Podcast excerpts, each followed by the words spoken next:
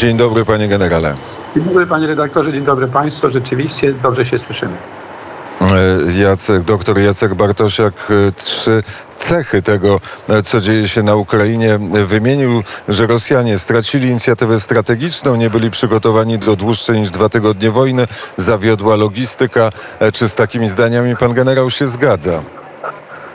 Panie redaktorze, w czasie jednego z moich wywiadów prasowych w połowie marca tego roku, a więc w czasie, kiedy trwała agresja rosyjska na Ukrainę i generalnie wojska rosyjskie stały po obu stronach Dniepru, w okolicach Kijowa, stwierdziłem, że oceniając zdolności operacyjne rosyjskiej armii powinniśmy brać pod uwagę, jak jest, jaka jest moc rosyjskiego państwa. Dzisiaj uważam, że ten konflikt pokazuje światowej opinii publicznej, jak naprawdę silna jest Rosja. Oczywiście nie możemy lekceważyć nadal Rosji, ale z mojego punktu widzenia Y, mogę powiedzieć, że y, Rosja ma bardzo słabe przywództwo polityczne, jeżeli chodzi o prowadzenie wojny. I Rosja jest bardzo słaba zorganizowana, we, zorganiz, jest bardzo słaba zorganizowana, y, mówiąc o organizacji wewnątrz państwa.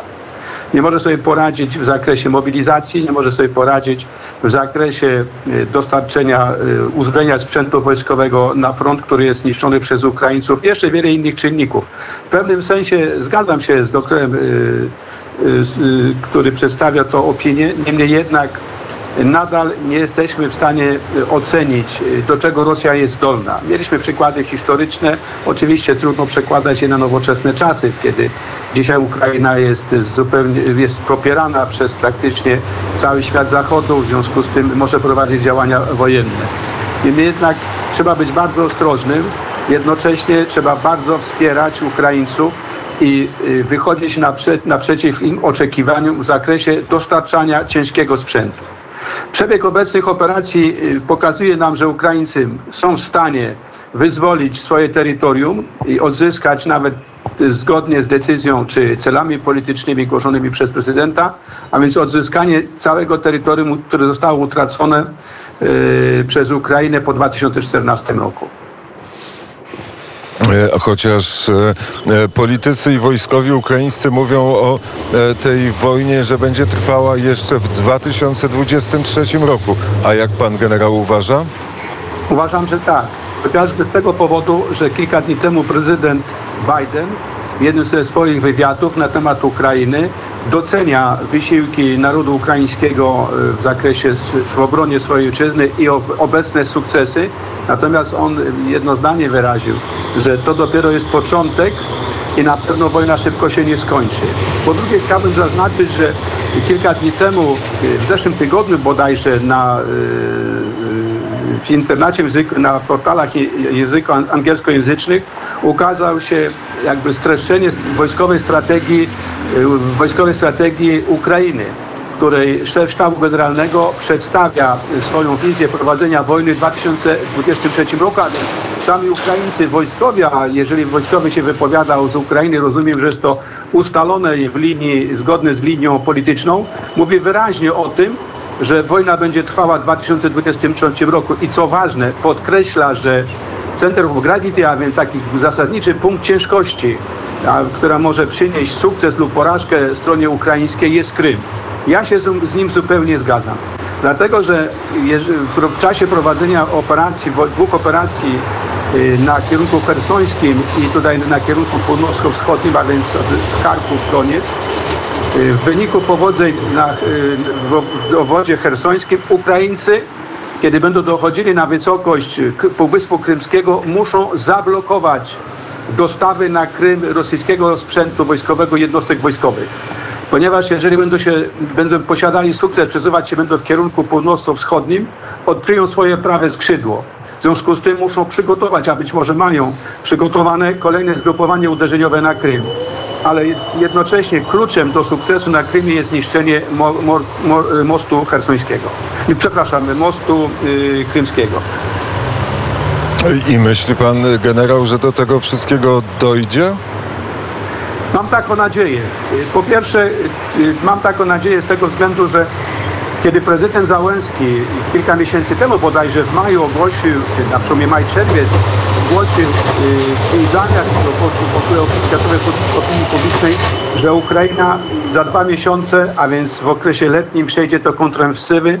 Jej celem jest wyzwolenie utraconych y, terytorium y, od 2014 roku.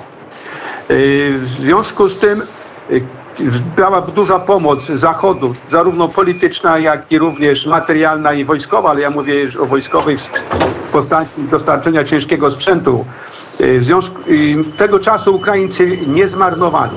A więc widzimy, że cel polityczny przełożył się na cele strategiczne ukraińskich sił zbrojnych i Ukraińcy dzisiaj dowodzą, że y, można y, po, przy pomocy oczywiście Zachodu i przy sile, wykorzystując siłę narodu ukraińskiego, a więc wysokie morale, zaangażowanie całego społeczeństwa, wojnę przeciwko Rosji, przygotować nie tylko obronę, bo tutaj w tym miejscu, kiedy przygotowywali i gromadzili odwody, yy, opóźnili, wręcz zatrzymali rosyjskie natarcie w Donbasie. Był taki okres, że ja się obawiałem, że Rosjanie mogą dojść, dojść do, yy, miejscowo, do miejscowości, które y, jak Izium, y, Liman Siewiersk, a więc tych dróg, które łączą drogi strategiczne i wtedy zamkną pierścień okrążenia y, nad Ukraińcami broniącymi się na kierunku tutaj wschodnim.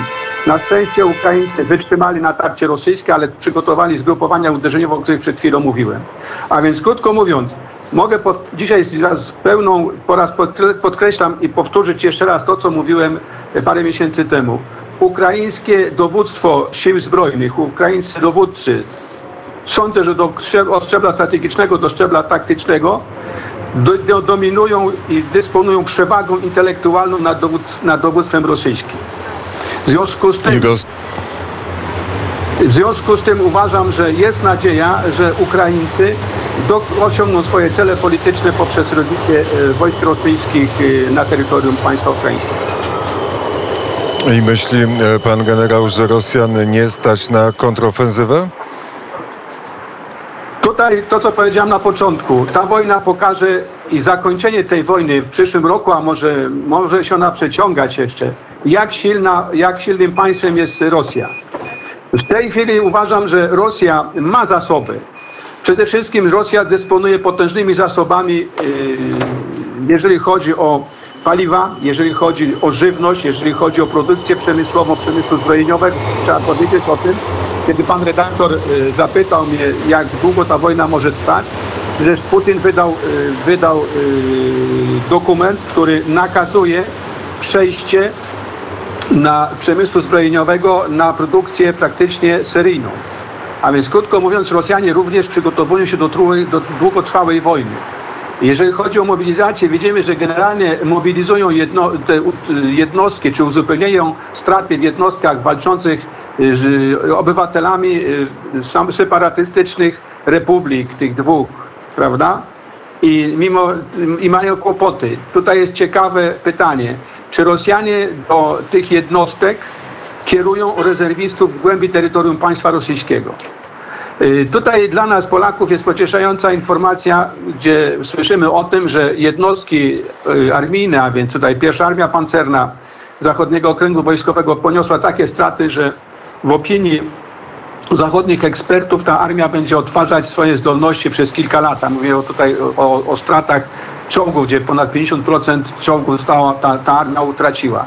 W związku z tym jest tutaj szereg pytań, które należy, y, na które należy szukać, szukać odpowiedzi, ale tutaj odpowiedź musimy mieć w jaki sposób y, ze źródeł, y, a tego na pewno na co dzień nie, nie będziemy mogli, na co dzień nie mogli się z tym zapoznać, a więc ze źródeł agenturalnych. Jak, siln, jak, co w tej chwili Ukrai Rosjanie przygotowywują? Czy przygotowują kolejne zgrupowania operacyjne, o charakterze ofensywnym w głębi terytorium państwa rosyjskiego, czy to już jest praktycznie ich y, raczej y, jakby ostatni wysiłek organizacyjny w tej wojnie, w tym, okresie.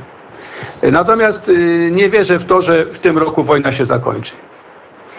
A jak e, pan generał patrzy na wczorajsze spotkanie w Uzbekistanie prezydenta Rosji i prezydenta Chin?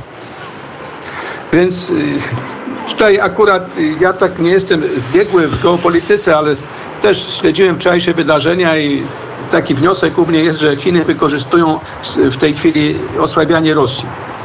i Chiny poklepują, y, poklepują po plecach Rosję, no trzymajcie się, a jednocześnie dzięki osłabianiu Rosji Chiny wzmacniają się w, w Azji i nie tylko w Azji, bo podejrzewam, że będzie niedługo dotyczyło naszej części tutaj kontynentu europejskiego, ale tutaj mówimy o, o wymianie handlowej, o współpracy gospodarczej między Europą a Chinami. A więc krótko mówiąc Chiny po prostu są w tej chwili beneficjentem tego konfliktu zbrojnego, ponieważ Rosja y, słabnie. Też trzeba pamiętać o tym, że w przyszłości będą się rodzić problemy na pograniczu Chin i Rosji, gdzie y, bez, y, praktycznie bezkarnie Chińczycy kolonizują, a więc ludność chińska kolonizuje y, pół- południowe obszary Syberii. Y, Rosjanie w tej chwili nie są w stanie przeciwdziałać tym, y, tym zachowaniom i tym wydarzeniom, które tam mają miejsce.